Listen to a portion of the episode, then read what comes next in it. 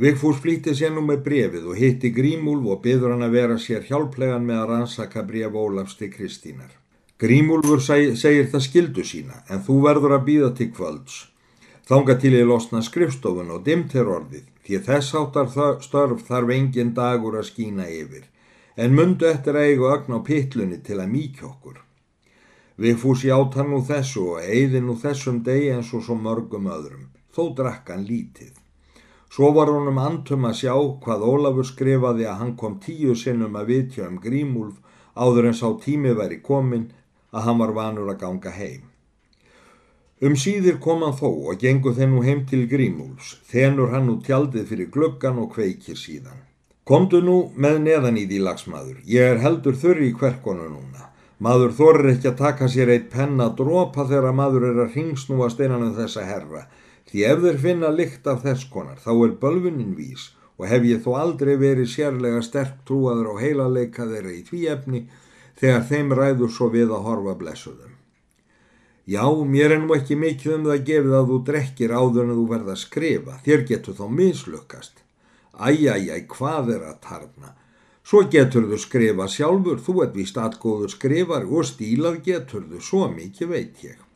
Ég er ekki vissum að vittlusi gvendur göru það öllu betur, en þú verður að fá þér annar staðar húsaskjólen hjá mér. Farðu til fógetans og byttu hann að lofa þér að standa inni meðan þú hripar seðilinn, eða þá byttu hann að gjöra það fyrir því og segðu honum efnið. Hann er ofur bongóður manntötrið, hanna og farðu svo. Ert orðin vittlus heldur ég farið til fógetans með þetta. Þú hefðu aldrei sagt honum frá öllu saman. Ó nei, ekki hef ég nú gjört það ennþá en það er þá ekki lengi gjört og það held ég nú að það að sé það besta. Þú ert í standi til að draga upp flöskuna þegar ég kem aftur og þá er mikið unnið. Að ég vert ekki að þessu grímúlfur. Þér er það ekki alvara, þú hefur lofað mér að segja engum frá því. Ég skal einhver tíma gefa þér ríkistal. Hanna, þarna er flaskan lít á, hún er hreint full. Það er allt annað mál, það er eins gott að vera öll skinsamur við fúsminn. Og hvað er nú brefið? Við skulum fara að byrja. Vigfús tekur nú upp brefið og tekur grímulfur það opið á sama hátt og það fyrra og les síðan fyrir honum. Elskulega góða Kristín mín, ég get ekki annað og þó nauðugur en heimfært hér orðsháttin fátt er það sem full treysta má. Brefið þitt frá þessa árs færin mér heim sannin um það. Ég undrast stórlega yfir skamsýni minni að ég skildi aldrei geta orðið var frá bardómu okkar óeinlægni þeirra sem búið hefur bak við blíða augnatillitið þitt og tvöfeldninar sem duldist innar varanna sem brostu svo oft og ástúðulega við mér. Hvers vegna hefur þetta geta svo lengi dölist mér? Það skil ég ekki og skil ég það þó af því að mér dætt aldrei í hug að það væri til. Ég hef sjálfur alltaf haft falslöst hugarþel til þín og þóttist vissum það sama hjá þér en nú sé ég að ég hef farið vilt í því. Ég hugsaði í haust þegar ég kvatti þig að þú myndir fella tárin sem glönsun eins og daggarperlur vegna mín. Ég áleitt þau eins og staðfestingu upp á lofur þitt að þú skildir aldrei gleima mér en er ég eh, farin til eða hvers vegna gjörði ég það að bríksla þér. Ég hef ekkert að bríksla þér um. Þú hefur engu lofað mér nema gleima mér ekki og það getur þú emt á þann hátt sem hjarta þitt býður þér. Ég hef þig í minni á þann hátt sem tilfinning hjarta mín knýr mig til. Þú skalt ekki ímynda þér að ég beri til þín þykju. Það er þvert á móti. Ég elska þig Kristín og hef gjört það lengi. Þó ég haf ekki sjálfur vitað það. Ég finn það nú þegar ég er fyrir fullt og allt að missa þig. Ég trúi því ekki að þú hefur sjálf skrifað mér brefið og þó get ég ekki annaði bori vittni um að þú hefur gjört það því ég þekki skriftina þína. Mér er nú svo þungt fyrir brjósti að mér langar til að segja margt við þig en það er ekki til neins. Þú vilt ekki heyra það og svo gör ég það ekki við neitt. Líði þér ætíð sem ann þér og óskar þinn heitt elskandi Ósveinsson. Á nú að senda þetta bref, segi Grímúlfur þegar hann var búin að lesa og svei mér þá það skal aldrei verða. Þeim skal nú ekki verða því rækals ókindunum þeim arna. Er Kristín þá líka ókind? Nei, nei, ó nei, hún er ekki ókind. Hún á að verða konan mín. Hún er rík, hún Stína, skaltu vita. Er hún ekki falleg líka? Ó, jú, það held ég. Jú, hún er falleg. Já, víst er hún það. En allar ekki að fara að skrifa. Ég þarf að hlaupa ofurlíti frá og er best að þú byrjir. Ég skal svo skrifa þegar ég kem aftur. Æ, ég veit aldrei hvernig ég á að byrja að skrifa bréf. Ég kemur einhvern veginn ekki í lag með það. Nei, ég get það ekki. Og hvaða vittleisa, ef Kristín á að verða konaði, þá þartu líklega einhver tíma að byggja hennar og það görir þú líklega breflega. Já, það er satt. Ég ætla að skrifa meðan þú ert úti, farðu þá. Grímúlfur gekk nú út og var leng, lengi burtu en þegar hann kom aftur var Vigfús svo niðursokkin í skriftin að hann tók ekkert eftir því þegar Grímúlfur kom inn og las svo hátt brefsefnið eins og hann væri að lesa trippalýsingu yfir stórun söfniði fyrir kirkjudýrum. Grímúlfur stendur stundarkorn og hlustar á, þanga til hann slæra á aukslin á Vigfús og segir hvaða dómadags bölvaða endileysu ertu að skrifa maður? Viðfús hrökk við og stökk á fætur og saði endaleysu segirðu. Ég vil hafa brefið svona, það er gott. Jæja, þú ert sjálfráður en lestu mér samt, lofaði mér að heyra. Vigfús las nú nokkurt veginn skiljanlega og var það auður ráðið af framburðinum og látbræðinu meðan hann las að hann þóttist af efninu og stílnum. Ást samlega Stína. Það er nú svo leiðis að mig langar til að fá mér konu til að giftast og við getum ferð að búa. Æ, það verður gaman. Ég er nú orðin sá sterkasti sjómaður hér í nálæðinni og Stína, ef þú sægir alla stóru vinina mína sem ég á hérna í Reykjavík, við getum gift okkur þegar ég kem heim. Ég ætla að færa þér óskupfallegan klút. Æ, það var satt. Ég ætla að skrifa fyrir brefið hans láfastráks. Nei, Hún skal aldrei hafa hann og hann skal aldrei notast henni sveimir þá. Lengra var Vigfús ekki komin, enda rak grímúlfur upp skellilhátur og saði að ég blessaður hættu nú, ég hef heyrt nóg og hafið þú ekki verið vittlaus fyrir þá ertu það nú. Þú ætlar að svara brefi Kristínar til Ólafs og svo byrjar þú bónorsbref eða hvað ég á að nefna það og þar í setur þau allt sem þú hugsar ílt um Ólaf sem þú veist þó að hún elskar eins og lífið í brjóstin á sér. En nokkurt vit getur ekki sansað þig á því og líka er þetta svo afskræmislega samansett að hver sem sæði það heldi þig eðalborin vitfyring og blessaður ef þú byður Kristínar þá gerðu það ekki breflega, það ræði ég þér heilt. Já þú þykist vita alla hluti, ég er svei mér vissum að hún Stína vill eiga mig. Ég hef aldrei sagt hún vildi þig ekki. Ég hef einungi spennt þér til hvernig þú skulir byggja hennar. En farðu nú að fara. Þú ert ekkert nema ónótt og ofstopp í kvöld. Ég vil ekkert hafa með þig. Að ég grímúlfur minn allar ekki að skrifa fyrir mig. Hérna er flaskan. Láttu mig þá ráða hvernig brefi verður lagað. Ég vona ég komist út af því eins og um daginn og allvel hefur mér tekist að eftir hendinni Því Ólafur segir í sínu brefi að hann þekki skriftin hennar, mannst að geti því. Jú, það er satt, blessaður ráttu þá öllu. Grímúlfur fenn nú að skrifa og texta eins og fyrri snildarlega stæla eftir stafagjörðinni. Þegar lítil stund er liðin, segir hann, nú nú, ég hef það ekki lengra. Það er valla verra en ótíma bæra fóstrið þitt, hlustaðu nú til. Sælvertu nú Stína litla. Ég fekk frá þér brefun daginn og átti ég þó enga von á því.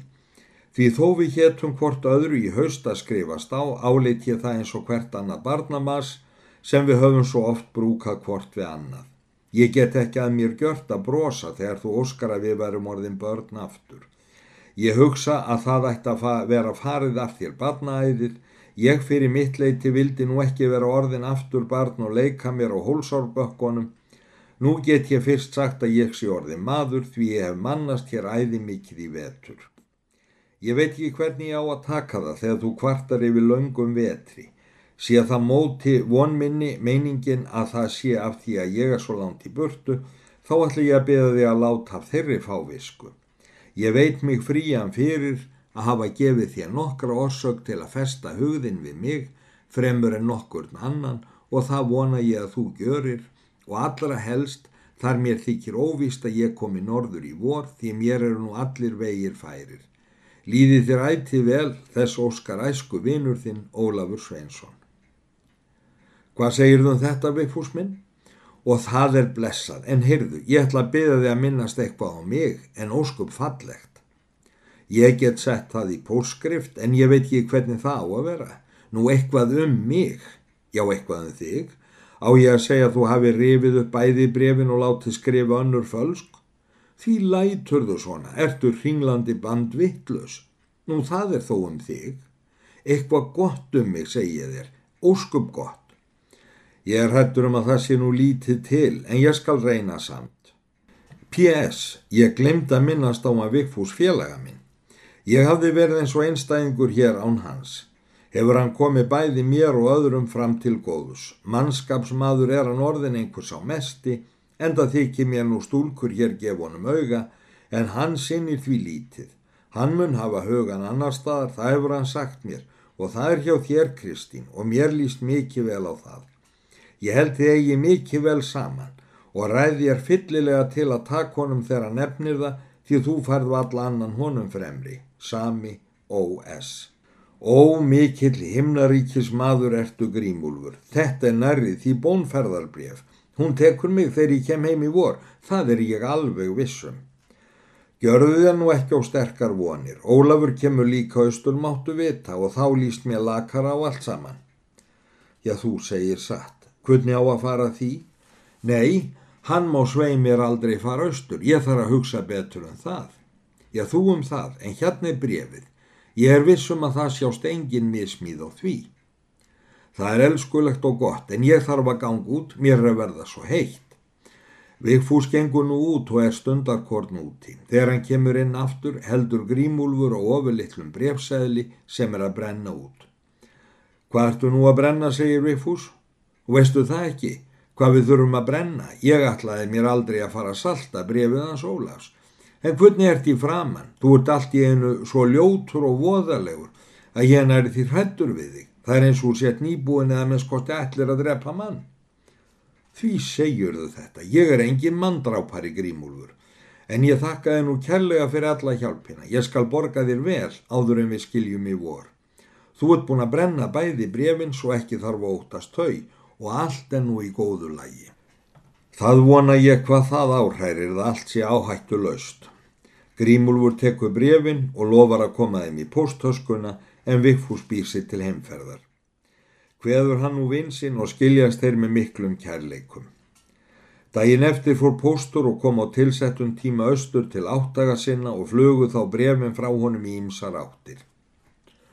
Kristín og Hóli hafði hort staðföstum vonar augum á móti heimkomu posts og marga indæla drauma hafði hana dreymt sem með öllu voru samhljóða ímyndum þeim sem hún í vökunni gjörði sér um innihald á brefi því sem hún átti svo sem víst að fá frá Ólafi.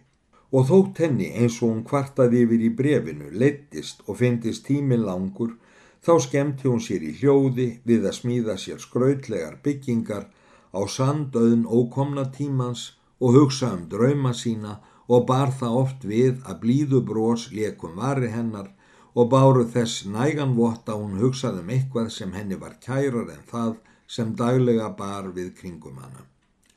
Stundum vildi það til að eins og fölum sorgarsvip brá yfir hana og var það þá oft að hún hafði þessa stökur látt fyrir munni sér. Man ég sveinin unga sem ég er æverður kær, mun ég hans æminnast á meðan hjartað slær, hann var frá mér fluttur um forlaganna sjó, augað hans er hvergi en hugurinn alltaf þó. Í vöku glaumi og gleði mér gefst ei hugun neyn, en þögull dúr í draumi mér dýrstan færir svein, indalt er að una í anda vini hjá, tíminn langi líður ég loks hann fæ að sjá. Einn draumur var það þó sem Kristínu ekki gæðjaðist að og jók henni jafnan mikið ángur og áhyggjur eins og hinnir kveiktu hjá henni indælar hugsanir. Hún þótti stödd á hæðn okkuri og sá hún þaðan yfir all land. Þykist hún hafa gaman af og lítur yfir sveitir, fjöll og lálendi nes og fyrði. Henni kemur þá í huga leita upp í Seltjarnanes og finnur hún það fljótlega. Hún hugar þá vandlega hvort hún geti hvergi komið auga á Ólaf því hún veit gjörla í svefninum að hans er þar að leita. Það líður heldur ekki á löngu þar til hún kemur auga á hann á einhverjum stað við sjó. Henni sínist hann einhvern veginn svo yfirgefin og einmann að hún tárfellir og ætla sér að hlaupa eður þó heldur fljúa eður líða í loftinu til hans. En í sama bíli sér hún móruðan ref, snöðrand og nasand í allar áttir, svo grimmilegan að henni stendur ótti af. Hann hverfur henni í laut heina og veit hún að hann muni liggja þar í lönsátri. Þá sér hún hvar kemur ákallega stórt nöyt með geysi miklum hornum og svo íllúðlegt að henni þykir sem hvert hár snúi fram á því. Henni þykir nöytið renna beina leið þangað sem Ólafur er. Hún ætla þá að kalla og varan við en getur engu hljóði komið upp og í því byli er nöytið komið Ólafi og veit hún fyrir víst að það ætlar að ráðast á hann og uh, það er hún jafnan sannfærðum að Ólafur getur með engu móti varist nöytinu. Af öllu þessu verður henni svo byllt við að hún hljóðar hástöfum og rekkur upp með gráti og andfælum.